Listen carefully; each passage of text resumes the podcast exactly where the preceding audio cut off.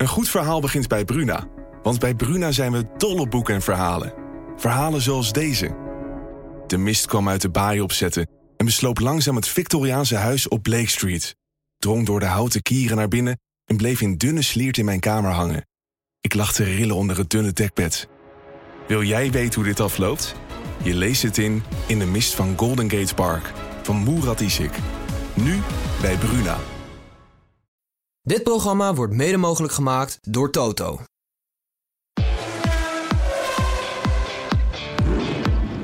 Dit is de Formule 1-podcast van De Telegraaf. Erik van Haren en Christian Albers praten hierbij over het belangrijkste Formule 1-nieuws.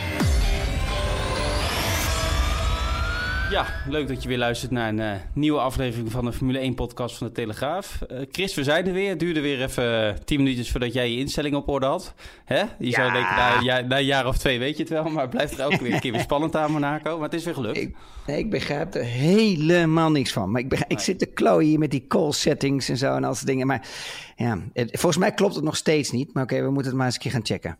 Nou, volgens mij klink je in ieder geval, bij, voor mij klink je goed genoeg.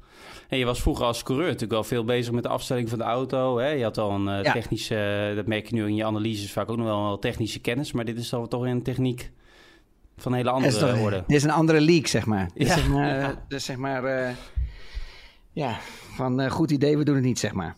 Ja, nu komt het slechtste bruggetje van de dag. Maar wie ook in een andere leak zat dit weekend was Max Verstappen op de zondag. Zo. Uh, en jij appte mij, eigenlijk heb ik dat zelden gehoord van jou. Want jij ziet toch altijd, en dat zal de mensen misschien verbazen, het positieve in van races. Maar jij zei eigenlijk, ik vind het een saaie race. En als jij dat zegt, dan wil het wel wat zeggen. Ja, en, en weet je, ik was zo bang om je iets te sturen. Want ik wist dat je zo'n romantisch weekendje had, weet je wel. En ook met de hele familie uh, op pad en zo. En lekker op de kosten van een telegraaf. Lekker dikke pre presidential suite. Hè? Kan je, heb je je kind nog wel gezien of niet? Want je moest zeker de drie, vier van die kamers heen lopen. Met dan deuren, openslaande nee, deuren. Ik, ik, ik, ik zei al, het lijkt net of ik een normale baan heb. Want ik heb 's ochtends... Uh, gingen we samen ontbijten en daarna ging ik naar het circuit. En dan kwam ik s'avonds terug. Ja, en toen sliep zij natuurlijk al. Maar het was. Uh, het was ho, ho, ho, ho, ho, ho, ho, ho, ho. Hoe bedoel je? De sliep ze, sliep ze al natuurlijk. Hoe bedoel ja. je? Doet dit. Hou toch op, man. Om vijf uur is. Dit is, dit is, dit is de curfew. Iedereen moet weg daar om vijf uur. Nee, jij weet niet hoe het werkt. Uh, nou, de training tegenwoordig op vrijdag eindigt om zes uur. Ja. Dus dat klopt al niet. En je moet ook nog ah, weg. Maar, maar ik werk je... ook gewoon. Maar je, de meeste mensen krijgen pas na afloop te spreken. Want dan hebben ze de dag achter de rug. Dan kunnen ze een beetje vrijheid praten. Dus daar wacht ik meestal op. Daarom zondagavond hoorde ik ook nog wel wat aardige dingen, maar dan moet je wel op wachten. Dus dan maak je het jezelf ah. moeilijker. Want je kan ook gelijk gaan beginnen met je stuk, uh, je verhaal tikken als, alles achter, als de race achter de rug is. Maar ja, de mensen hebben zelf ook al gezien dat Verstappen heeft gewonnen in Hongarije. Dus je wil af en toe ook nog even iets anders kunnen vermelden, toch? En hebben we nog scoops? ben ik er. Scoops? Nou, we wel, het was wel een leuk weekend. Uh, ik ben pas over die schoenen van Verstappen gehad. Daar heb ik toch, uh, ben ik nog even achteraan gegaan. Dat was weer nodig om te doen. En, maar dat is ook echt vervelend als coureur zijnde. Want ik kan me nog herinneren, in mijn tijd had ik ook zoiets met Stand 21 en met Puma en met ja. Sparco. Nou, Sparco was echt altijd gewoon een drama, die schoenen. Dat echt, ja, dat, zei, dat zeggen Verstappen en Perez ook. Maar Verstappen reed oh. nu weer op Puma's. Ja. alleen Puma, en er waren dan netjes die logo's van afgeschraapt. Alleen nu wilde Puma wil dat niet meer. Uh, en Verstappen was ook niet helemaal tevreden over die Puma's. Dus nu reed hij weer op een ander merk. Uh, dus dat, en dat zat iets beter. Maar uh, het is nog wel een aardige soap. En Red Bull zegt ook van ja, Sparco, daar hebben wij een deal mee. Maar ja, het is nu eind juli. We hebben elf races achter de rug. En als jullie nog steeds geen goed materiaal hebben, dan uh, kun je dat onze coureurs ook niet kwalijk nemen. Dus uh, alleen je ziet, hè, al die logo's worden er afgeschraapt en hoe uh, ja, contractueel, hoe belangrijk dat was bij mij, is. Dat was bij mij ook. Het is exact hetzelfde. Dus blijkbaar is dat toch altijd wel een issue. En het is zo belangrijk, want iedereen denkt misschien wel van ja, wat maakt het nou uit? Je hebt die schoenen aan en zo. Maar je, het is zo belangrijk, want je moet zoveel gevoel hebben in je, in je voeten met het gaspedaal. Het is zo'n um, tegenovergestelde wereld in die, in die cockpit voorin bij die pendalen. Want de ene trap je bijna 90 kilo op het pedaal. En de andere zit bijna op een gordijnrails waar je heel zachtjes op het gas kan gaan. Waar je heel veel gevoel moet hebben. Dus die twee benen die zijn gewoon echt ap helemaal apart van elkaar. Ja. En, en die spieren ook. Hè? Die spieren zijn ook natuurlijk allemaal verschillend. Want je moet daar zoveel gevoel bij hebben. En de, en de linker natuurlijk met het remmen. Je kan niet omdraaien, want die stuurstang die loopt in het midden. Dus je kan niet zeggen van oké, okay, ik rem even met rechts. Dus je remt echt links uh, en je geeft gas rechts. Maar de ene moet je keihard uh, de druk erop zetten. En de andere moet je juist heel voorzichtig met gevoel, moet je natuurlijk op het gas gaan. Dus ja, het is gewoon heel belangrijk dat je ook in die zool, wat in die, die schoen zit, weet je, dat je daar ook echt gewoon een lekker gevoel bij hebt. En als je bijvoorbeeld aan de achterkant, hè, bij, je, bij je hak, als het ware, loopt, het, zeg maar, loopt die zeg maar ook omhoog. En, en dat doet ook heel veel. Kijk, als die heel dik is, weet je wel, ja, het is zo moeilijk uit te leggen. Zeg maar een kleine millimeter, ja, dat, dat voelt of zo, of dat je gewoon 4, 5 centimeter hoger zit. Ja. Uh, weet je wel, als je, als je je hakken neerzet. Dus voor een coureur is het gewoon essentieel dat je gewoon echt lekkere schoenen hebt. En dat is ook een beetje vertrouwen. En dat had ik vroeger ook wel eens in een handsysteem. Hè, of een helm. Dat is ook allemaal belangrijk. Je kan niet zeg maar zomaar even in één keer... Als je zo alles gewend bent en zo'n automatisme is geworden... dan is het gewoon echt vervelend als je in één keer iets anders krijgt. Dat is gewoon, het is gewoon een hele andere wereld in de auto. Ja, ja, dus ik kan me best wel voorstellen dat dat best echt een serieuze issue heeft. Want ik heb het zelf ook meegemaakt met schoenen. Ik heb in mijn tijd dat ik Stand 21 schoenen. Die maakte echt hele dunne schoenen. Hele dunne zolen. Waar je gewoon echt contact had met de pedalen. En wat mhm. gewoon echt lekker zat.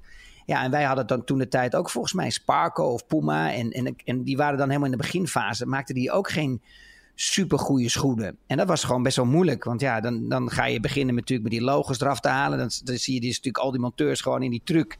Die zie je met Stanley messen tekeer gaan om al die stiksels eruit te halen. Dat die logos eraf gaan. Ja, en dan zie je niet meer wat voor schoenen het is. Maar ja, op een gegeven moment heeft één iemand dat in de gaten. En dan krijgt de pers het in de gaten. Ja, en dan wordt de druk erop gezet. Ja, en dan krijgen, krijgen natuurlijk die fabrikanten die merken. Die zeggen, ja, snotverdorie. Ik wil gewoon eh, dat ze met onze schoenen lopen. Want daarvoor betalen we zo superveel geld. En daarvoor doen we ook de, de teamkleding en de, en, de, en de overalls en de schoenen. Ga zo maar door. Ja, maar ik merkte wel bij Red Bull dat ze wel een beetje klaar mee zijn. Anders zullen ze het natuurlijk een beetje ontkennen en een beetje onder het tapijt schuiven. Maar als je dat ziet, en je kan er ook niet omheen, want als je gewoon oplet, zie je dat hij andere schoenen aan heeft. Uh, als we het toch over eigen ervaring hebben, Dennis Broekhart, die had een vraag voor jou, hè? misschien wel jouw grootste fan. Hoe het als coureur in de Formule 1 of een andere klasse, is het dan lastig om je om vol geconcentreerd te blijven een hele race? Als je een enorme voorsprong hebt of als je een enorme achterstand hebt, als je bijvoorbeeld helemaal achteraan rijdt. Of zoals Verstappen nu helemaal vooraan. Ik vond dat hij gisteren wel aardig bleef doortrappen ook in die laatste stint. Um, is dat lastig? Nee, want je bent altijd in gevecht met jezelf. Altijd.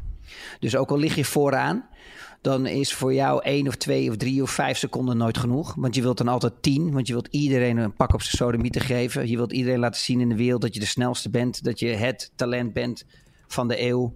Dus ook Max, weet je, die zou altijd blijven doorpushen tot de laatste ronde. En dat is ook het gevoel wat je hebt. En dat is het mooie ervan. En natuurlijk heb je iets minder denk je erover na als je vanaf de achterkant van het veld komt. Je hebt iets meer de afleiding, omdat je in het gevecht gaat met andere auto's. Aan de andere kant, als je voorin rijdt, ben je ook in het gevecht met jezelf. Omdat je gewoon hè, die delta-tijd krijgt op, op, je stuur. Je, je ziet waar je sneller bent, waar je niet sneller bent. En, en daardoor kan je continu dat gevecht aangaan met je om zo constant mogelijk te rijden. En dat is, dat is de, de upside van, van een Max, van een uh, Lewis Hamilton, uh, van uh, een Alonso. Weet je, dat gewoon die rondetijden heel dicht bij elkaar zitten continu. Die, die constantiteit. En dan zie je bij andere coureurs die gewoon iets minder talent hebben. Of die dat verschil uh, dat ze daar echt het verschil maken. Dat die anderen gewoon wel weer een gat hebben van 4, 5 tiende van de ronde daarvoor. En dan zie je bij die grote jongens zie je dat het gewoon maar 1, 2 tiende is maximaal. Ja, en de race, eigenlijk de, de spanning om de zegen, die was eigenlijk, uh, misschien overdrijf ik, zeg je dat ik het niet goed heb, maar na de eerste bocht wel voorbij, toch?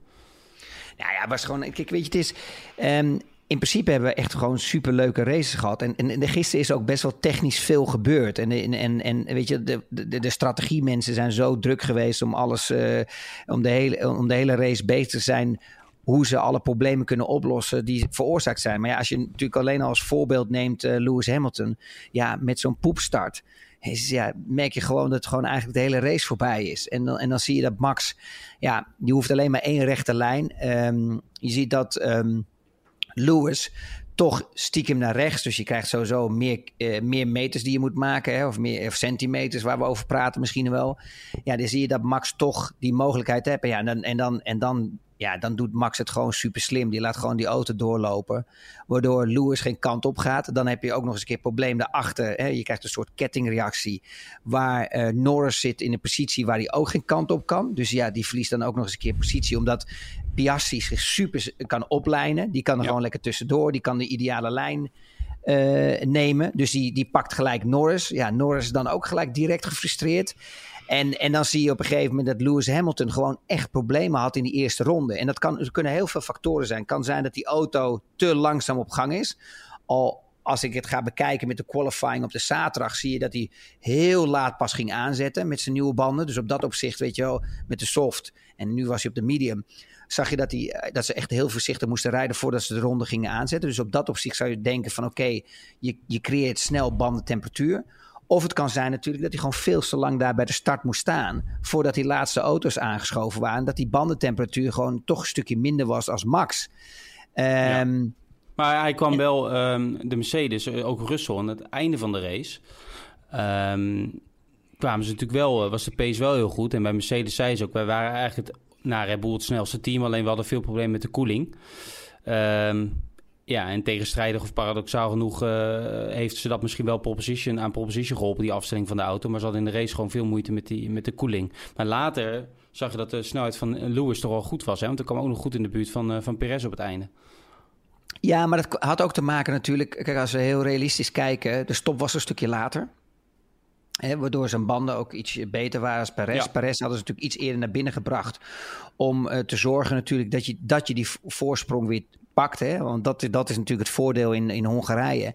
In Hongarije wil je natuurlijk eigenlijk uh, zo snel mogelijk een undercut maken. Want als jij weer naar buiten rijdt met nieuwe banden dan uh, heb je de meeste tijdwinst. Hè? Dus je maakt zoveel goed in plaats van een auto met gebruikte banden. Waardoor als je op dit circuit als eerste naar binnen gaat, hè, dan is het meestal als je anderhalve seconde achter een andere auto ligt, een seconde tot twee seconden, kan je ervoor uitkomen.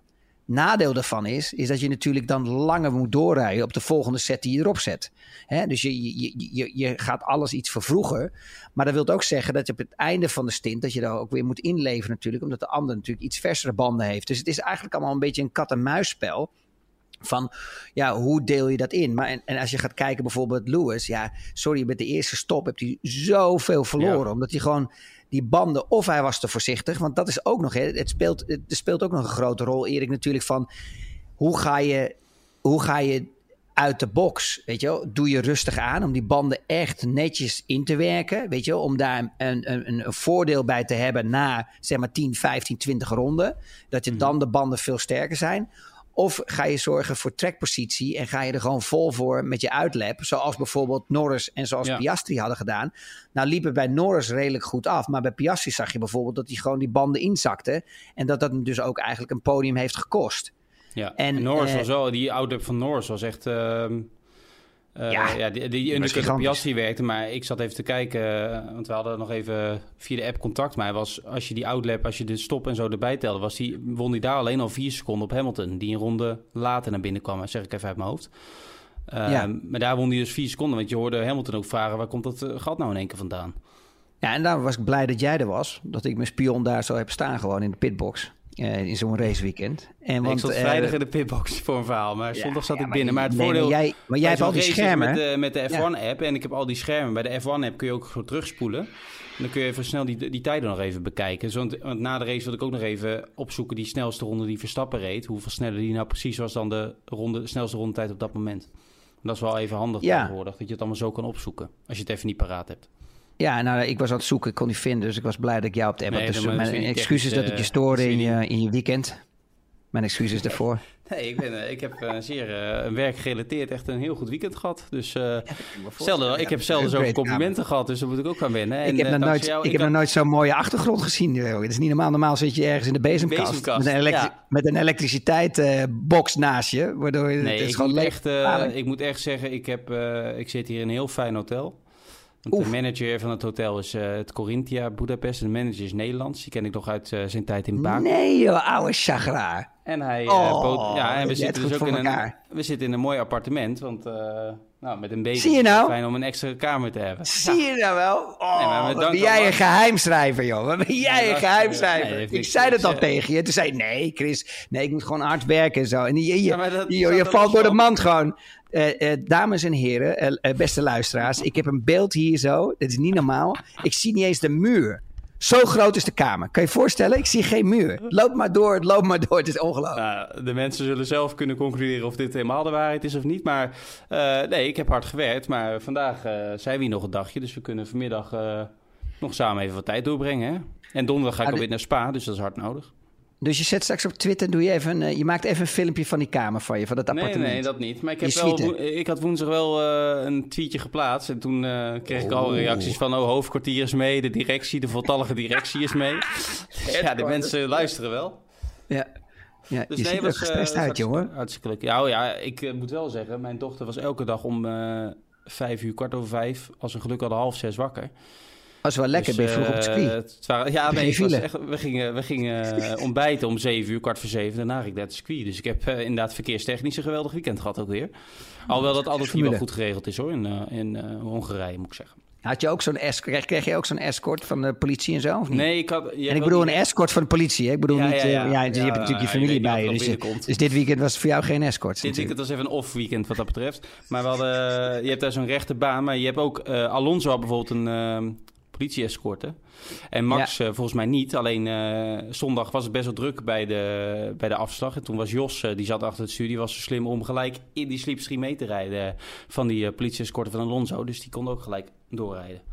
Uh, dus, uh, ik heb het ook gehad vroeger. En ik, ik, begrijp niet waarom Max het niet heeft gehad. Want ik kreeg het vroeger ook. En ik, en ik was niet zo succesvol als Max. Niet? Oh. Nee, nou. helaas pindakaas. Zou wel fijn zijn, moet ik zeggen. Maar, maar denk je, Norris die zei... Uh, ja, ik denk dat wij alleen een kans hebben... of iemand een kans heeft om Max te verslaan... als hij een probleem heeft of uitvalt.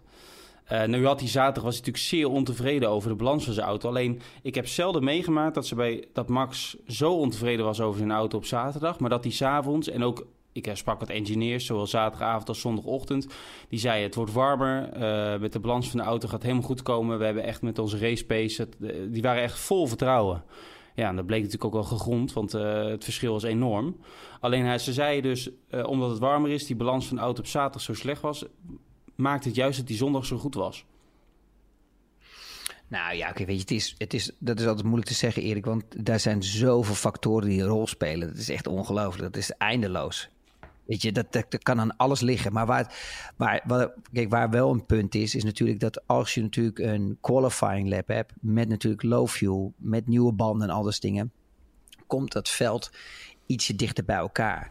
Als een auto veel beter is dan de andere auto en je hebt gebruikte banden je aan het rijden, dan ga je een groter gat creëren omdat die gebruikte banden natuurlijk gewoon minder goed presteren. Met nieuwe banden kan je net een beetje, weet je, dan heeft iedereen die edge. En dan, is het, dan is het, ben je wat meer eh, competitief. Maar zoals ik al zei, in zo'n race pace, ja, dan zie je gewoon dat die Red Bull, ja, dat dat gewoon een oppermachtige auto is. Maar het is wel leuk, want dat betekent dat we gewoon andere races kunnen hebben, waar bijvoorbeeld een McLaren of bijvoorbeeld eh, dus die, iets kortere carrosserie eh, circuits, zoals bijvoorbeeld eh, die Mickey Mouse baan hier. Dat je dan een mogelijkheid hebt voor een soort gevecht voor een qualifying. Want kijk, laten we eerlijk zijn zaterdag was de beste dag uh, tot nu toe uh, van de Formule 1 um, ehm, qua qualifying. Dit Samen jaar. met Monaco, ja. Ook een, ja, uh, ook een ja, ja, ja soort circuit, ja. Ja, ja. Ah, dat was Monaco beter. Want daar hebben we nog een beetje gezellig met elkaar gesproken en zo. Toch? Ja, dat, was, dat maakte dan voor ons weer het verschil. En hier, maar dat en was hier, een geweldige kwalificatie. En hier, hier sloot je me een beetje buiten dit weekend. Maar is oké, okay, nou, is dat is heel wederzijds volgens mij. Maar um, um, ze zei, kijk, eh, wat logisch is, de banden krijgen natuurlijk zwaarder. Het was warmer en de banden hebben het hier natuurlijk sowieso al zwaar te verduren tijdens een race. En daardoor, uh, Max had zaterdag last van onderstuur. En dat is eigenlijk wat hij het meest haat. Als hij moet kiezen, heeft hij liever overstuur. Um, dus hij zei, uh, dan komen die banden krijgen natuurlijk zwaar. Dus dan komt het iets meer in balans. Dus eigenlijk, hij was ja, ik denk dat hij zelden zo dominant en zo tevreden, is. als je ook de radio met zijn engineer luisterde, dat ze zelden zo in control waren. Hij zei eigenlijk een beetje, het was te vergelijken een beetje met Spa vorig jaar. Alleen ja, toen moest hij wel vanaf de 14e of 13e plek komen. Hè? En nu uh, vanaf de tweede plek. Dus dat maakt het ook wat makkelijk. Maar ja, in Spa vorig jaar was het natuurlijk ook... Uh, toen was het, het duurde 12 rondjes voordat hij aan de leiding lag. Dus ja, dat hij in een goede mojo zit, om het even lelijk uit te drukken, dat is wel duidelijk. Ja, maar, en, en, maar dat is het gewoon. Ze hebben gewoon een, een supergoeie auto. Maar ik weet nou niet of die in qualifying... heeft hij niet hetzelfde vermogen... en ik bedoel meer vermogen of, of grip level... ja, de totale package is minder sterk in een qualifying als in een race. En daar hebben ze voor gekozen. Of tenminste, bij geluk kan ook geluk zijn dat ze die weg in zijn gegaan. En dat dat de karakteristiek is van de auto. En that's it. Dat, dat is het.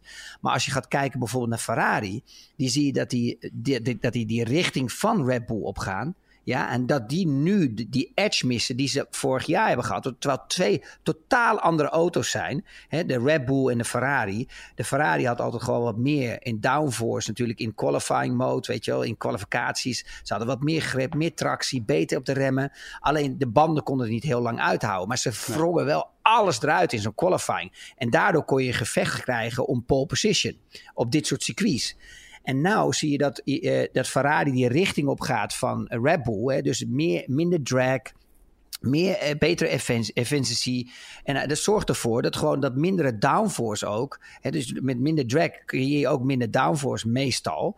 Um, hoeft niet altijd, maar meestal wel. Dus dat betekent dat ze gewoon wat minder downforce hebben. Dus ze gaan meer naar een middenweg toe die Red Bull heeft. Want Red Bull is namelijk niet de auto die de meeste downforce heeft. Maar het is gewoon een auto die het hele package gewoon maakt. Dus gewoon eh, weinig drag, de juiste combinatie, de juiste formule met, met downforce erop.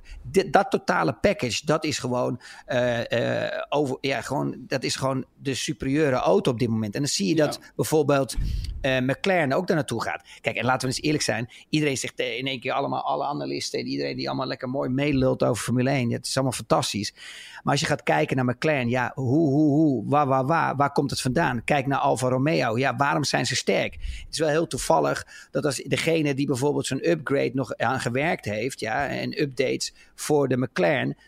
dat die nu eh, dat die een paar weken geleden al getekend is bij Alfa, uh, Alfa Romeo. En dat de Alfa Romeo's ook in één keer een stukje beter gaan. Hè, bijvoorbeeld op een circuit zoals hier. En dat heeft natuurlijk ook wel temperatuur gerelateerd. Is dat ook natuurlijk wel een grote factor. Maar je ziet gewoon, die jongens, die, al die mannen. Het gaat tegenwoordig alleen maar de focus op van waar haal je de beste mensen vandaan? Hoe kunnen we die zo snel mogelijk tekenen? En hoe kunnen we die een gigantisch salaris geven? Waardoor ze dus opstappen naar een ander team gaan. Want ik bedoel, laten we eerlijk zijn. Als jij uh, Marshall tekent, met alle respect.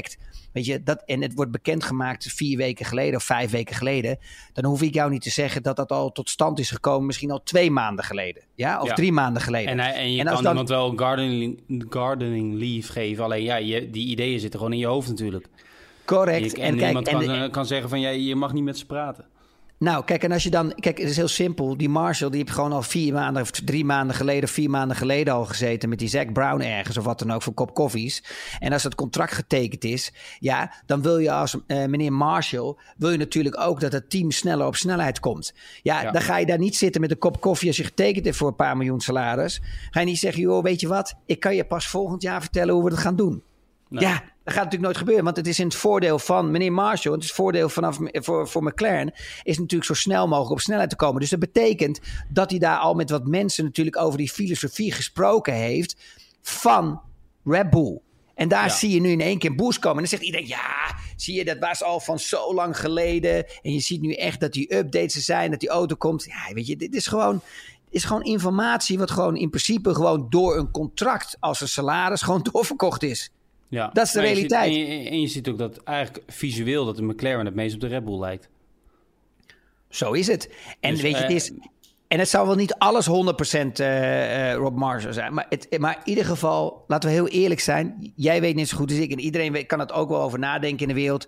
Als je al drie of twee maanden geleden getekend, zeg maar twee maanden geleden het naar buiten brengt. Ik weet niet precies hoe lang, jij weet het beter. Dat je voor McLaren gaat uh, werken in 2024. Dan zit je al daar minimaal een maand, of zeg maar anderhalve maand daarvoor heb je al samengezeten. En dan ga je praten over je contract. En ga je over de salaris. Je ga je over je vakantie dagen werken. Je gaat over alles, welke positie, hoe dat werkt. Of je een auto van de zaak krijgt. Krijgt met klein S765 LT of krijgt hij iets anders? Begrijp ik bedoel? Dat wordt allemaal op tafel gelegd. En als dat op een gegeven moment getekend is, ja, dan, dan kan je dat niet meer stoppen. Dan, dan, dan komt er gewoon een, een, kop koffie met de mensen van, van de aerodynamica afdeling. En dan wordt er gewoon gezegd welke richting ze op moeten gaan. En die wordt gestuurd. En, nou, en hetzelfde is met... En je merkt gewoon bij, bij Red Bull nu dat er aan alle belangrijke mensen wordt getrokken. Hè? Ook de aerodynamica, het hoofd aerodynamica en de technisch directeur. Allebei een mooie voorstel gekregen van Ferrari. Allebei geweigerd. En ik denk dat ze daar heel blij mee moeten zijn. Want die Pierre Waché, dat is de technisch directeur. En uh, iedereen praat altijd over Adrian Newey. En dat dat het grote brein achter de auto is. Maar de mensen die het echt kunnen weten, zeggen echt allemaal in, in core, dat is Pierre Waché. Dus ik denk dat dat voor Red Bull heel belangrijk is dat hij zijn contact heeft verlengd. En dat hij nog jarenlang daar blijft. Ja, maar weet je, ben je wel eens in Maranello geweest? Nee. Nou, je hebt daar echt super lekkere restaurants waar je Italiaans kan eten. Er zijn er twee, drie. Weet je, dat je denkt van wauw, daarvoor moet ik naar naartoe. Maar om elke, dag dat, maar om elke dag daar te eten. Ja, maar uh, dan kan ik ook. Is, ben je wel eens in Milton Keynes geweest? Ja, maar het, probleem, het verschil is, daar zit de familie, daar gaan de kinderen naar school. En het is gewoon op een gegeven moment. En Italië is nou ook niet zo gunstig, eh, belastingtarief eh, gezien, als eh, met Engeland. Daar zit ook nog niet dat je zegt van nou, veel verschil in. Dus om de hele familie te gaan verplaatsen en dat op, op afstand, en daar hebben we ook wel eens over gehad, toen we met z'n drieën koffie aan het drinken waren en thee met Jodie Engington en met z'n drietjes, weet je nog? Hebben we het ook nog een beetje bij, ja, daar was je wel bij. Hebben we het er wel eens over gehad hebben we het wel eens over gehad. Dat we gewoon. Eh, dat, dat het best wel zwaar is voor hem. continu heen en weer te reizen. en daar in appartementen ja. zitten. en dan weer terug naar de familie. En, en, en dus. En die, en die Engelse teams die weten gewoon eenmaal dat ze die mensen niet kunnen verliezen. Dus Ferrari probeert wel, maar die moet dan zo gigantisch in de, in de, in de buidel. Um, en dan zoiets. En je zit dan een beetje budget cappen. Ja, en, dat, is, en dat, dat helpt er natuurlijk ook niet bij. En dat, dat is ook soms wel eens weer jammer van, van de budgetcap. Aan de andere kant maakt het het ook wel weer competitief. Ja, maar ja, maar, om terug te komen, het is ook niet zo dat Romeo, uh, dat hij met een, uh, dat hij een telegraafsalaris heeft. Hè? Die verdient wel iets meer. Wie? Niet dat hij bij Red Bull, die Pierre Waché, dat hij bij Red Bull op een houtje hoeft te bijten. Hè? Dat die verdient daar, wordt natuurlijk ook goed. Uh, nee, maar ik heb vernomen van mijn bronnen en spionnen dat het toch wel een beetje in jouw, jouw salaris, richting jouw salaris zit. Want jij, ik heb ook gehoord bij de Telegraaf dat, ja, dat het ook wel echt pijn doet elke maand als ze jou moeten overmaken. Nou, dan, dan, dan, storten ze misschien een deel op een andere rekening waar ik geen heb. misschien van, uh, van het hoofdkwartier, dat ik daar geen weet van heb. Want het valt, uh, er valt ah, best wel dus, een verhoging. Uh, misschien zit er toch nog een keer een verhoging. Dus, dus naar de Cayman-eilanden ja, van jou. Dat komt ooit nog een keer naar buiten. Maar goed, je wilde. Nee, maar Erik, even, even terug. Ja, even over Alfa Romeo. Ehm, daar heb je zo'nzelfde situatie, wat een beetje gaande is. Is natuurlijk met James Key. Die is dus gewoon, ja, die Andreas, Andreas Seidel is weggegaan. En die heeft gewoon goed gewerkt met, uh, met Key, uh, met James Key. die heeft gewoon ja. ja. met McLaren. En die heeft gewoon gedacht, joh, luister, dit is ook gewoon een talent. Of die de beste is, zwaar. Dat weten we nooit. Dat weet je pas als echt een auto wordt gemaakt. Ik denk wel met de middelen die James Key al vroeger heeft gehad dat hij echt altijd het maximale eruit heeft. En hij heeft, hij heeft wel hetzelfde filosofie en concept in principe als Red Bull. Weet je wel, gewoon low drag, weet je wel, efficiency auto, niet te veel downforce, weet je wel, iets, iets te weinig altijd, maar wel auto's die snel gaan op de rechte stukken. En dat is, dat is de Alfa Romeo nog niet. Dus we gaan straks kijken hoe die Alfa Romeo zich gaat ontwikkelen. Maar je ziet nu wel bijvoorbeeld dat die uh, performance, die prestatie er was. Maar ja, die hebben het gewoon met z'n twee zo gigantisch verkloot in de race. Dat ja, maar dat, dat is dus- ongelooflijk. dan, dan, denk ik, dan heb je zo'n leuke zaterdag. Of geweldige zaterdag, hè? P5 en P7 voor Joe en uh, Bottas. En dan net zoals Hamilton, pole position. Allemaal mensen, oh geweldig, eh, geweldig voor Formule 1. En dan, ja, Hamilton heeft een poepstart, valt, en dan wordt uiteindelijk vierde, terwijl een podium er zeker had ingezeten. En dan die Joe, die, die verliest volgens mij 16 plekken. Uh, nou ja, 16 niet, maar uh, zoveel, die, die valt helemaal terug naar, uh, naar achteren. En dan... Hoe noem je die start dan? Naait hij ook Bottas nog, want die stond gelijk achter hem. hey, en hoe, hoe noem je die start dan? Want als, als, als, bijvoorbeeld Lewis ja, al een poepstart heeft... Ja, dat is, ja, dat is een diarree-start. Of een flos. ja. maar ze, ze zagen, ik zat net nog even te kijken. Alfa zei dat het probleem was met zijn braking system. Maar ja, ja, nee, oké, maar uh, met de start uh, braking system, ik, ik, weet, misschien drukken ze hem erop, kunnen ze hem vasthouden. Ik weet het niet met break by wire, maar dat, ik denk dat het helemaal niet mag in het reglement. Maar oké, zwaar. Links hij viel wel op, want hij tikte daarna Ricciardo aan en, de, en de Alpines waren er ook blij mee, want die waren ook gelijk klaar na ook al een slechte zaterdag. Die zit ook in een lekkere, lekkere fase daar in het hele team. Maar ja, ja. voor Alfa. Maar ik wil nog heel even naar McLaren trouwens, want daar praten we een beetje overheen. Maar dat is toch een enorme verrassing dat zij dit weekend ook weer zo goed waren. Want dat had jij toch ook niet verwacht na Silverstone? Nee, uh, absoluut. Een heel ander 180 graden ander circuit. Hè? Kijk, je zou verwachten na Silverstone, oké, komende week op Spa zullen ze ook wel sterk zijn. Maar dat ze ook in Hongarije zo sterk waren. Want Norris had natuurlijk ook gewoon pole position kunnen pakken. Ja, die mogelijkheid was daar wel. Ja. Hij zei zelf dat hij wat foutjes maakt. Maar dat is natuurlijk altijd zo hè, in de qualifying. En bij een coureur is het meestal zo. Kijk, Lewis die zegt dan oké, ik was helemaal op het limiet. Maar dat was niet zo. Want ik had Lewis betrapt bijvoorbeeld op de twee laatste bochten. Dat hij gewoon echt een fout maakte. Echt een overstuurmoment. In, de, in, de, in, in de ene laatste bocht en in de laatste bocht. Dus daar verloor hij ook, uh, denk ik, anderhalf tiende. Misschien nog twee. Dat weet je toch nooit. Moeilijk te zeggen. nog veel tijd in bocht 13. Correct. Dus weet je, en, en dat is het mooie van qualifying, is natuurlijk dat alles op limiet moet en in limiet moet. Maar je hebt nooit natuurlijk die ideale ronde. Dat komt natuurlijk maar één keer in de, in, in, in een miljoen, in een miljoen voor. Ehm, maar dat, dat McLaren zo verrassend goed was, had ik niet verwacht. Omdat het is wel een auto die gewoon echt hard loopt op de rechte stukken. Uh, ondanks dat uh, ik een keer met Ernest zat en die zei van ja, ze lopen niet het hardste. Maar ik dacht, ja, hoe, waar halen ze dan de, tijd? Hè? Dus ik zei tegen hem, ik moet nog eens even goed gaan kijken. Want schijnbaar in Silverstone liepen ze niet het snelst op het rechte stuk. Maar oh, die, ze waren echt van de snelle bochten heel snel. Zo, dat was, dat was dan hun echt een groot punt. En dat betekent dus gewoon echt dat ze gewoon dus een high uh, downforce uh, bochten echt serieuze grip hadden. Dus dat is ook het mooie. Weet je, de luisteraar denkt wel eens, ja, hoe kan die auto nou zo snel zijn? En die auto en dat, ik begrijp het niet. Maar er zijn zoveel factoren die meespelen. Je kan auto's hebben die bij low downforce, dus langzame bochten snel zijn, medium bochten snel zijn. Ja, en de high speed corners weer langzaam zijn. Of andersom. Of alle, al die variaties, die zijn dus mogelijk. Dan heb je dus de mechanische grip nog, hè, het aanremmen. Hè, dat de ene auto betere grip heeft dan de andere auto. Dat komt bijvoorbeeld dat de ene bijvoorbeeld um, zijn ophanging aan de voorkant eigenlijk opoffert om de juiste arrow over de auto te laten gaan. Maar dat betekent dat je minder mechanische, uh, minder mechanische grip hebt, waardoor je dus minder uh, goed kan remmen.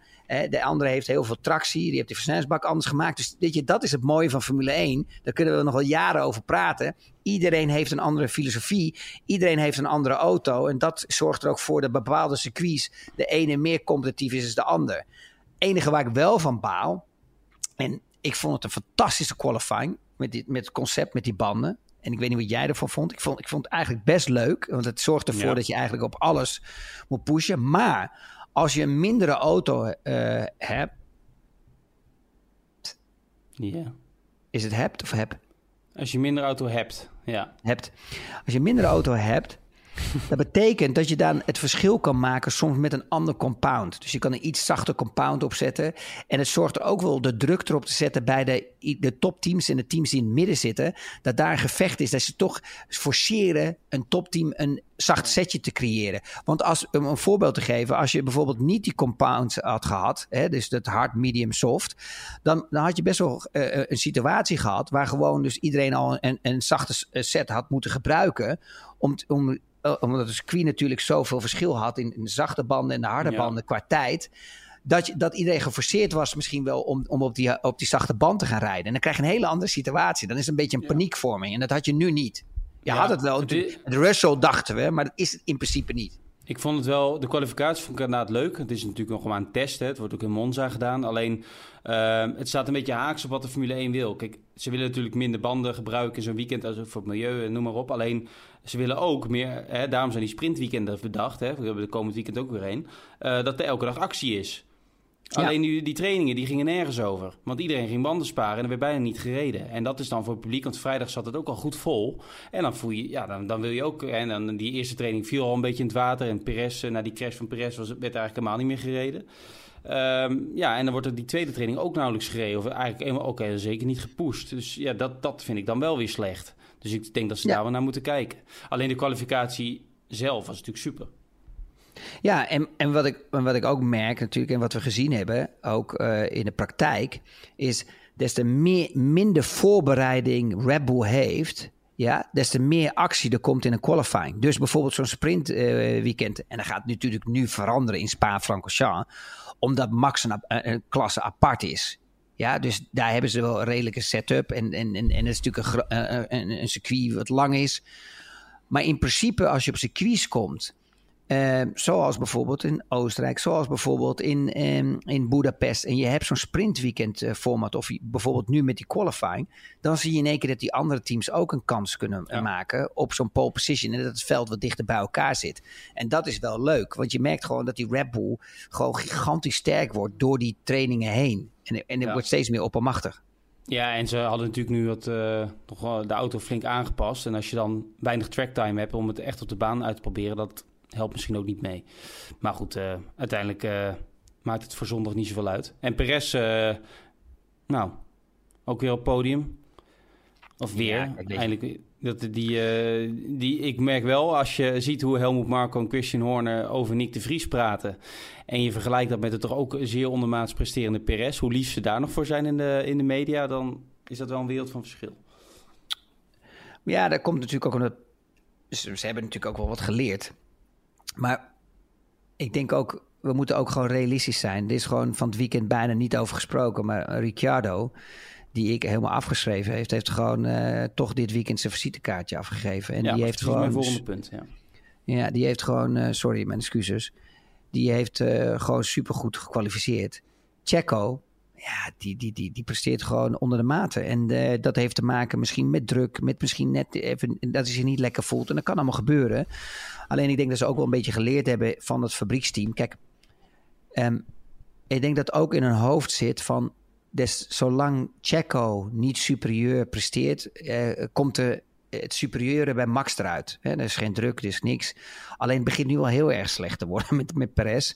Kijk, en dan kan je wel zeggen, ja, hij is nu eindelijk in Q3. Weet je, we moeten bijna in onze handen gaan klappen dat hij in Q3 komt met een van de beste auto's. Nou was die auto in qualifying niet supergoed. Hè? Laten we heel eerlijk nee, en dan wordt het verschil denk ik juist groter. Juist, en, en, ja, en Max die heeft altijd toch wel drie, vier tiende. Hè? Meestal op Perez ligt een beetje aan wat voor circuit het is. Als lange rechte stukken zijn, kan je niet zoveel goed maken. Eh, met, met, dan, dan met bochten en technische circuits. Maar als je dan gaat kijken bijvoorbeeld ja, met Perez, ja, weet je, dan was het eigenlijk wel realistisch dat hij daar... Hij zou eigenlijk P6, 7 moeten staan. En dan staat hij weer volgens mij P9 geloof ik. Ja, mijn hoofd had ja, hij 9 qualifying of niet. Ja. Ja. ja. weet je, dat is gewoon niet goed genoeg. Weet je, daar had gewoon 6 moeten staan. Hij had net voor Leclerc moeten staan of voor Joe.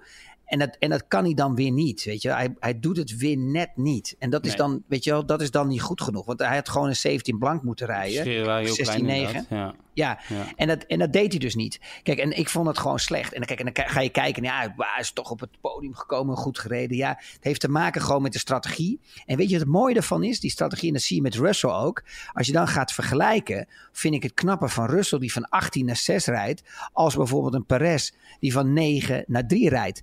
En, Ja, het, en het mooie ervan is, door, die, ja, door dat chaos is continu het gevecht gaande met wanneer je naar binnen komt om die tijd goed te maken. En hij had gewoon het geluk dat hij er doorheen kwam. En dat hebben we vorig jaar hebben we dat ook gezien met Max. Laten we eens eerlijk zijn. Max die ging natuurlijk van P10 volgens mij vertrok die vorig, eh, vorig Ja. jaar. En die won de race. En hoe kwam het? Omdat hij in, in, voor in het veld waren ze aan het focussen in het gevecht met elkaar. Max had elke keer het geluk dat hij een paar plekjes pakte. Doordat er pitstops kwamen. Ja, en dat hij zichzelf kon positioneren. En dat het team gewoon met een strategie weer precies naar buiten kon brengen. Waar hij weer vrije baan had. En in één keer kwam hij uit de hoge hoed. eh, kon hij in reed hij in één keer vooraan. Kijk, en dat gebeurde in, in principe hetzelfde met Perez. Eh, dus, dus zo speciaal is het niet. Degene die het echt gewoon verkloot heeft, met alle respect, is gewoon Lewis Hamilton. Ja, weet je, zevenvoudig wereldkampioen. Hij laat zien op zaterdag hoe fantastisch die is met de qualifying. Dat hij alles eruit perst. Hè, wereldkampioen waardig. Maar op de zondag is het gewoon compleet weggegooid. Ja. En het kan te maken hebben met heel veel factoren. Dus daar kan ik me niet over uiten. Maar het kan te maken hebben met, natuurlijk, hè, met de banden die niet op, snel op temperatuur komen. Het kan te maken dat hij zelf niet goed in zijn vel zat. Ik bedoel, als jij niet agressief bent met de start. En als jij jezelf niet kan opnaaien. Ja, als je naar zo'n zoutzak zit natuurlijk. Dat heb je soms wel. Want je zit zo vastgeknoopt. Dan kan je geen millimeter bijna meer bewegen. En als je dan een beetje een slaperig gevoel hebt in, hebt in die auto. Dan moet je gewoon jezelf eigenlijk wakker maken. Dat is best wel moeilijk. Dus je moet een beetje even slaan op het stuur. Even jezelf even, gewoon even opjutten. En soms heb je die van die momenten in de race. Weet je. Die zou Max ook wel hebben. Die zou Lewis ook wel hebben. Maar ik had zo'n gevoel dat, dat Lewis... Het, hij zat er gewoon niet lekker in, weet je wel. En dan zat Nee. hij, had hij ook natuurlijk een probleem natuurlijk... dat Max hem naar buiten forceerde natuurlijk in bocht 1. Waardoor de deur open was voor, eh, voor Piastri. Dan kom je helemaal naar buiten. Dan heb je nog een ja, lagere snelheid. Dus je kan niet zo snel op het gas. En als je op het gas gaat, heb je wielspin. Creëert weinig temperatuur. Dan komt eh Norris nog een keer buitenom voorbij rijden. Dus die had gewoon echt een slecht weekend. En Ja. dan nog een slechte weekend was ook natuurlijk de twee Alfa Romeo's. Ja. Ja. De raketstart trouwens, by the way, van eh Sainz. Ja, die, die won vijf, zes plekken in de eerste eh, fase. Op, z'n- op die zachte band. Maar goed, verder ging het weer voor Ferrari kwaad tot erger. Ja, Ricciardo nog even, inderdaad, je zei het heel snel. Maar ja, als je zo weer begint en Tsunoda zowel een qualifying als de race verslaat. Ja, hoe pijnlijk het ook is. Maar op zondag werd er niet meer over Nick de Vries gepraat. En op zaterdag eigenlijk ook al niet meer. Omdat Ricciardo natuurlijk zoveel aandacht opeist. En veel mensen hem zo populair vinden. Ik denk dat de Formule 1 er ook gewoon blij mee is. Ook qua marketing en Alfa Tauri zelf ook. Maar ja, ik, bl- ik blijf, wel, ik blijf het wel. eh, kijk, dat ze die beslissing van de Vries nemen, dat is eh, ieders team goed recht. Maar de manier waarop, en dan hoor ik ook in dat persbericht van Red Bull, hè, dat moest snel worden opgetuigd, omdat dat nieuws eh, via ons snelle uitlekte dan ze hadden gewild op, op die dinsdagmiddag. Maar dat dan in dat hele persbericht de naam van Nick de Vries niet eens wordt genoemd. Dan denk ik, ja, die kan toch ook al een paar alinea, of een alinea aan, aan Nick de Vries wijden. Ik vind dat een beetje kinderachtig, eerlijk gezegd. Je, je, bent, je bent zelf zo mans genoeg om hem in, die, in, die, in dat zitje te geven hè, op basis van één race. Hè? Eh, Monza vorig jaar, waarin alles voor hem mee zat. Maar wees dan ook, als je afscheid neemt na tien races... hem niet eens de kans geeft om de eerste helft van het jaar af te maken... Eh, geef hem dan ook een beetje een chic afscheid. Ja, ben ik helemaal met je eens. En ik vond eigenlijk trouwens stiekem heel gevaarlijk... hoe zij Daniel Ricciardo uh, naar binnen haalden. Ten eerste vond ik het niet gepast in de fabriek, hoe dat ging. Weet je wel, hou dat gewoon intern. Ga dat niet filmen. Zet dat niet mhm. neer. Begrijp best dat de feestjes, dat de, de, de, de old guy is coming back. Weet je wel, dat, dat, daar ging het eigenlijk meer om. Ik denk niet dat ze de intentie hadden om zeg maar in principe zo Nick, en Nick af te branden.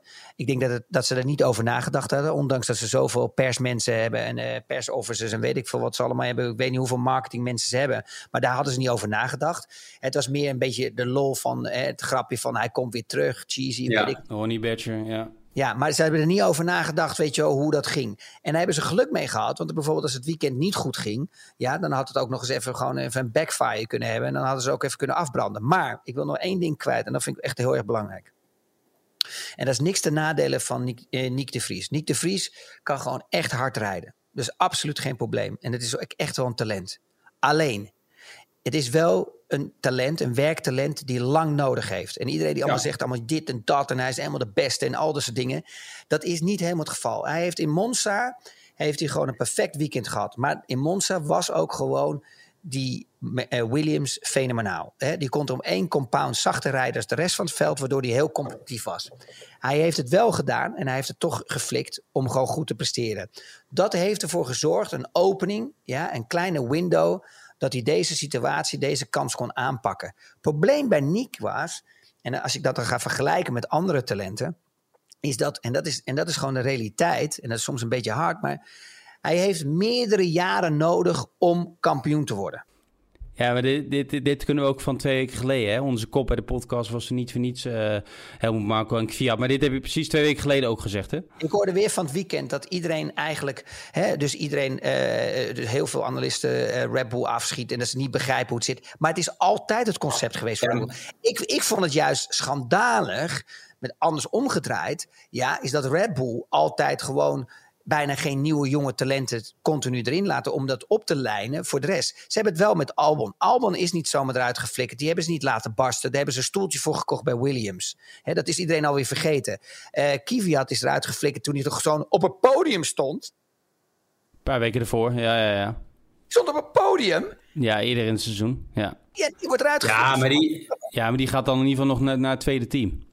Net zoals met Gasly toen. kan moeilijk natuurlijk niet naar het tweede team doen. Nee, dat zou ik. Dat naast Max komt. Ja, ja had, nou ja, misschien doet hij het beter dan Perez, je weet niet. Maar kijk, het probleem is...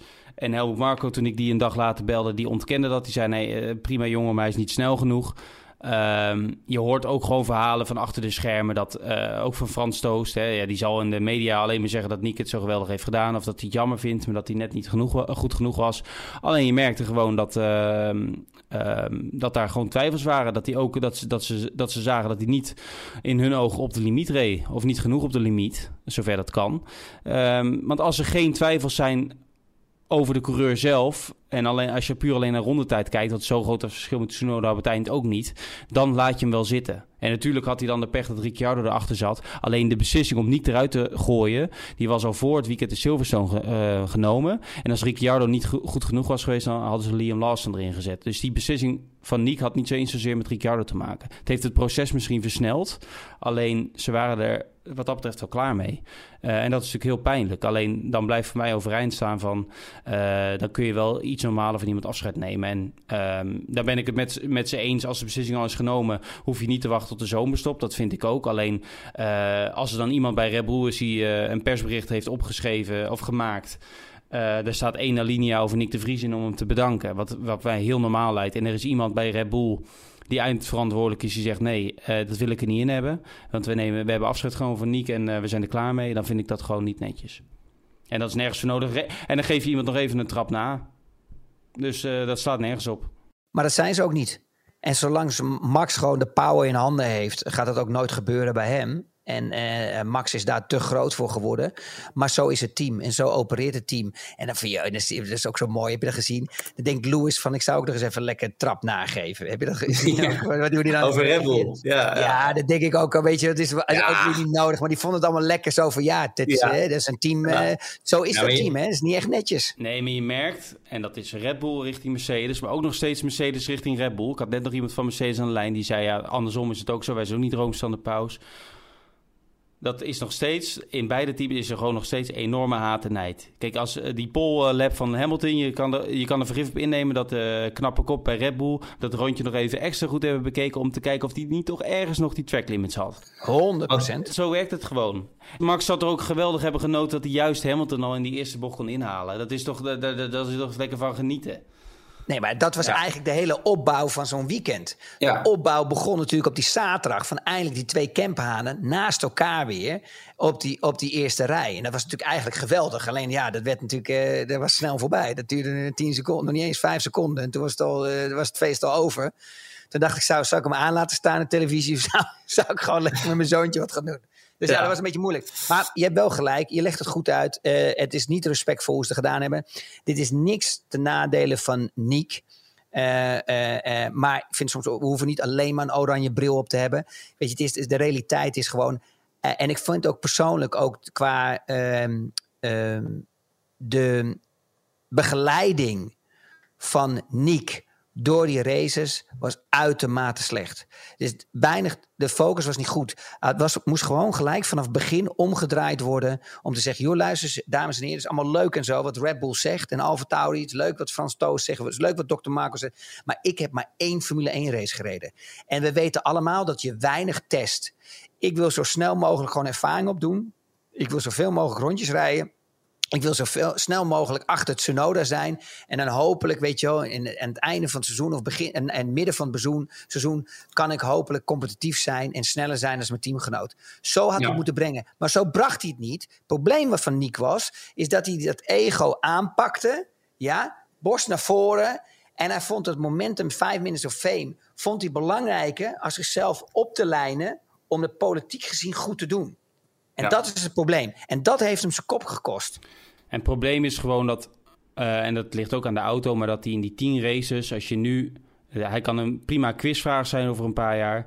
In die tien races, als ik nu aan jou, hij heeft niks kunnen laten zien, iets speciaals. En hij heeft ook daarbuiten, uh, wat voor mij als journalist, maar ook misschien voor de buitenwacht belangrijk is, hij heeft geen één keer iets leuks gezegd of iets opvallends. Of, en dat is, dat is de persoon niet. Hè? Ik kan heel goed met hem. Ik vind het hele aardig gozer. En het gaat natuurlijk om wat je op de baan laat zien. Alleen Alleen je vergeet hem, hij wordt snel vergeten. Want dan komt zo'n Ricciardo binnen. Nou ja, je moet zijn interviews maar eens terugluisteren. Die zegt al helemaal geen reet. Alleen die lacht er zo bij en die heeft dat charisma dat mensen hem allemaal geweldig vinden.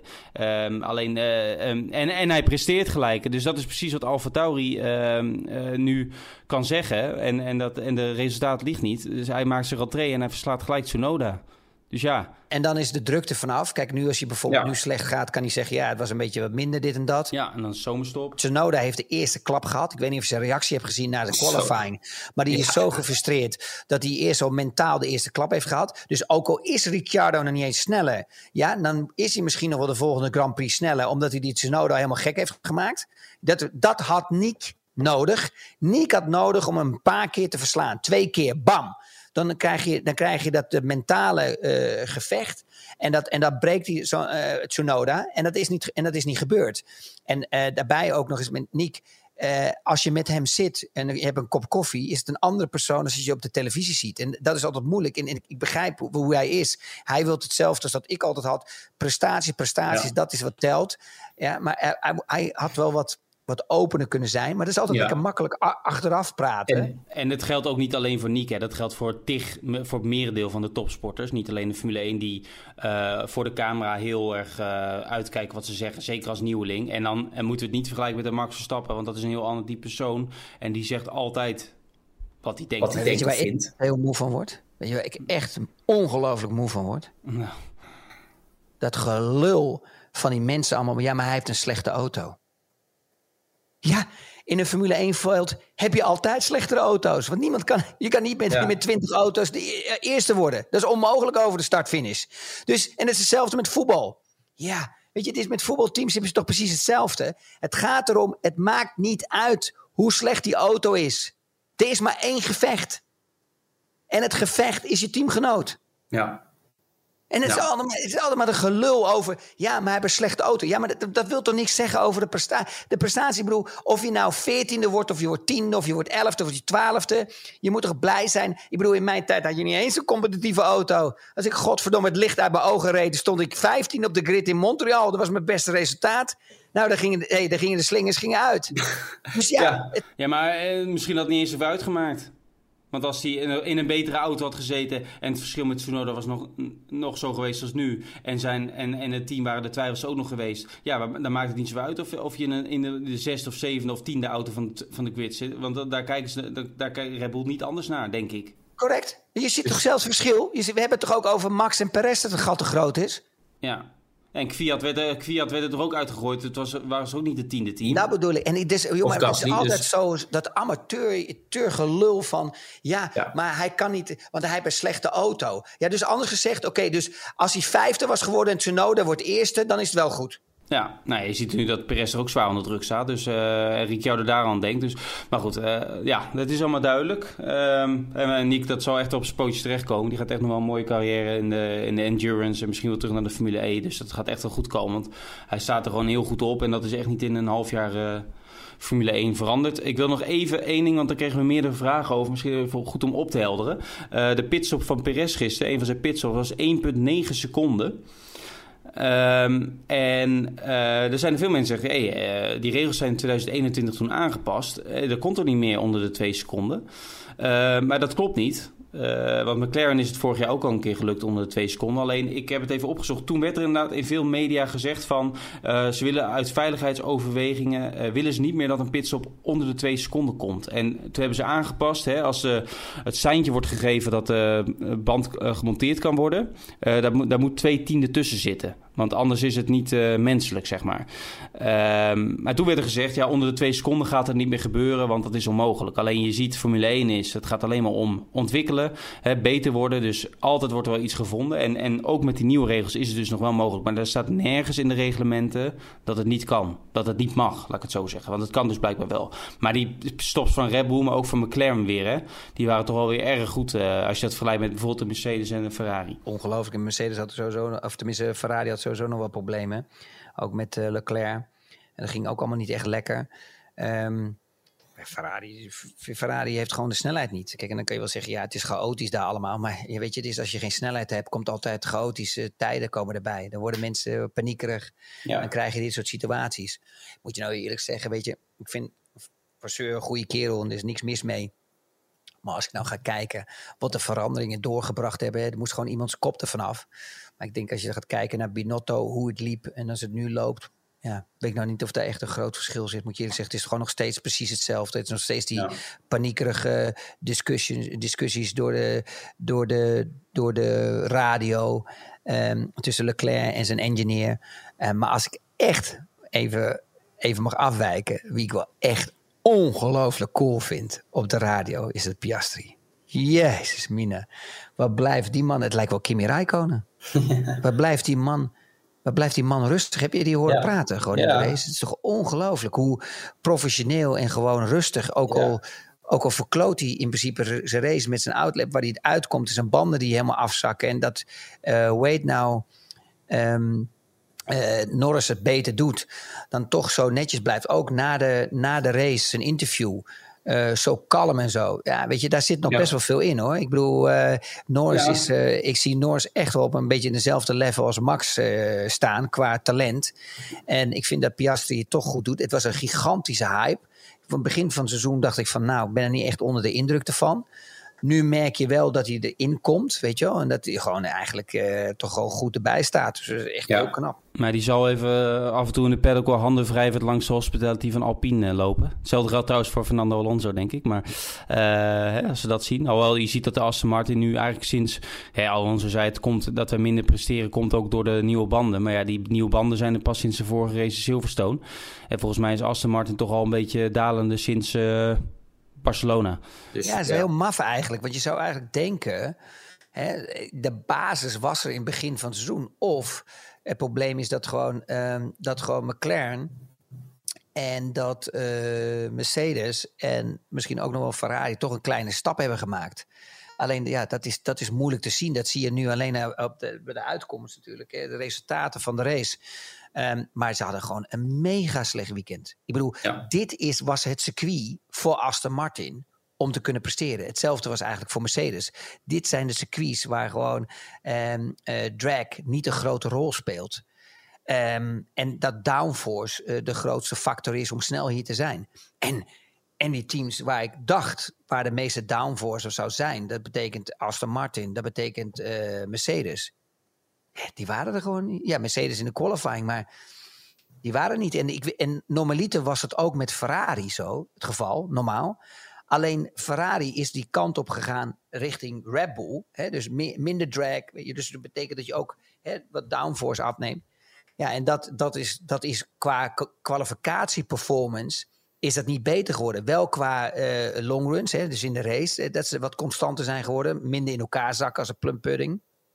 Maar ja, in principe is het er niet beter op geworden. Maar Aston Martin had echt een slecht weekend. Samen ja. met Alfa, uh, Alfa Romeo. Ja, nou ja, goed. Uh, ik denk dat we veel behandeld hebben in het afgelopen uur. Nog één uh, race te gaan tot de zomerstop. Weer een sprintrace op Spa. Jij was daar vorig jaar, maar nu niet, geloof ik, hè? Nee, ik ben niet uitgenodigd. Okay. Ben je wel in de studio of heb je vakantie? Nee, nee, nee. Is het iemand anders? Ik weet niet wie in de studio zit, eerlijk gezegd. Oké, okay. nou ja, dat. Uh, dus dat ik heb, nee, bij mij is de vakantie al begonnen in uh, eind uh, juni. Dus uh, mm-hmm. hier hebben de jongens bij mij op school wat lange vakantie tot en met de eerste week september. Dus ik ben lekker, gewoon lekker aan het relaxen, een beetje. Oké. Okay. Dus in principe niet heel anders dan de rest van het jaar. Goed, uh, Chris, uh, dank voor je tijd. Uh, jullie, dank voor het nee, luisteren. Jij en luisteraars, beste luisteraars. Erik zet straks even op Twitter zijn, zijn suite. Hè? De, de, ik weet niet, wat is het? Junior suite? Wat heb je over? President Nee, het is een appartement. Ja, nou, dus dat is dezelfde luxe. Ja, appartement in een hotel, of niet? Ja, maar dan aan de overkant van de straat, zeg maar. Maar dan kun je met een loopbrug kun je het hotel in. En uh, we stonden allemaal fans de hele week voor de deur, want Carlos Sainz sliep hier. Maar ja, goed. maak jij even een filmpje dan? Hoe het allemaal uitziet en zo. Dat, we, dat willen we graag zien. Ik denk dat dat ook het minste is wat je kan doen. ja, maar het slaat echt nergens op, op de kosten van de Telegraaf. Nou, dat is niet waar. De prijs, de prijs is nog lager dan ik normaal betaal. En het is gewoon dezelfde prijs eh, voor één persoon als voor twee en een baby in dit geval. Dus maak je daar absoluut niet druk om. Marcel, hoor je dat? Marcel, check dat even als je wilt. Kijk even, kijk even. Marcel, wil je even kijken? Goed, we gaan, uh, niveau daalt weer zoals u merkt. Dus uh, het lijkt me goed om er een eind aan te breien. Uh, volgende week maandag zijn we er weer. En dan nemen wij ook een paar weken rust. Hè? Ik heb het denk ik wel nodig om even afscheid van jou te nemen ook, Chris. En, en dan zijn we er in Zandvoort. Je wordt altijd boos. Ik heb twee dingen. Alonso was aan het slapen met de pitstop. Trapte de rem er niet op. Ja, dat is één. Heb ik niet gezien. Ja. Gevecht tussen Piastri en, en Checo. Zou Checo nou echt een beetje stoer hebben gedaan? Of zou hij gewoon echt niet gezien hebben? Ik denk dat hij hem gewoon niet gezien heeft. Ben je het met me eens? Nou ja. Piastri. Dat hij me zo nou. erin drukte. Nou, maar je zit midden in de bocht, dus je kijkt niet in de spiegel. Ja, dat zou kunnen. Ja, hij kreeg ook geen straf, dus uh, Ik denk niet dat het een max-actie is, zeg maar. Misschien jezelf een beetje breed maken, dat soort dingen. Nee, maar goed, uh, Perez, hij kan ook inhalen, hebben we nu gezien. Dus dat is goed om uh, te weten. En Perez en Russell, hè, dat was ook wel van was ook wel een spannende uh, actie. Dus op zich, Zeker. Op zich er gebeurde nog wel wat. Niet zo heel slecht van Perez. Het nee. was, ik, ik, het was nou, van zijn betere races, correct? Oh, kijk. Nou, het is goed dat je positief eindigt. Ja, ik vond het zeker een van zijn betere races. Alleen, hij kan het zichzelf een beetje wel... Hij moet het zichzelf gewoon wat makkelijker maken door in ieder geval top 5 te kwalificeren. Dan leg ik de lat nog niet heel hoog. En dan uh, rij je gewoon makkelijker naar, de, naar plek 3 of 2. En dan hou je dat gat met Verstappen ook wat kleiner. Want nu is het toch alweer 110 punten. Ja, en de twee, dus de twee mannen die eigenlijk een beetje tegenvielen. Dat zijn de twee oud-wereldkampioenen. Dat is Lewis, die er niet goed in zat met de start. Ja, en de beginfase. En, uh, en uh, uh, Alonso. Want Alonso liet zich ook zo voorbij gaan bij, op het einde van het rechte stuk. voor bocht 1 met, met Perez. Hij verdedigde ja. niet eens. Nee, hij zei, hij, zei, hij zei over de boordradio dat hij hem liet gaan omdat hij uh, door dat gevecht met Perez heel veel tijd aan het verliezen was. Dus hij zei over de radio, ik laat hem voorbij. En daarom vocht hij niet. Ja, maar wie doet dat nou? Nou ja, dat zei hij al voordat hij het ging doen. Dus dat kan ik moeilijk zeggen dat hij dat achteraf zei. Ja, maar wie, het is toch gewoon een gevecht? Kom op gas. Ja, nou blijkbaar niet. Dan ook, dan ook, zijn, uh, met de pitstop vergeten de rem erop te trappen. Dus je verliest best wel veel. Nee, dus, uh, we zullen doorrijden volgende week. Fernando Alonso, hij zal het vast uh, in acht nemen van zijn oud-collega. Want jullie hebben tegen elkaar gereden natuurlijk. Er is altijd wat respect onderling. 100%. Toch? Ja. Nou Chris, dank voor je tijd. Geniet even van je vrije tijd met je kinderen. Dat is ook belangrijk. En uh, wij zijn er volgende week weer. Jullie bedankt voor het luisteren. Tot, tot dan. Dankjewel. Dit programma werd mede mogelijk gemaakt door Toto.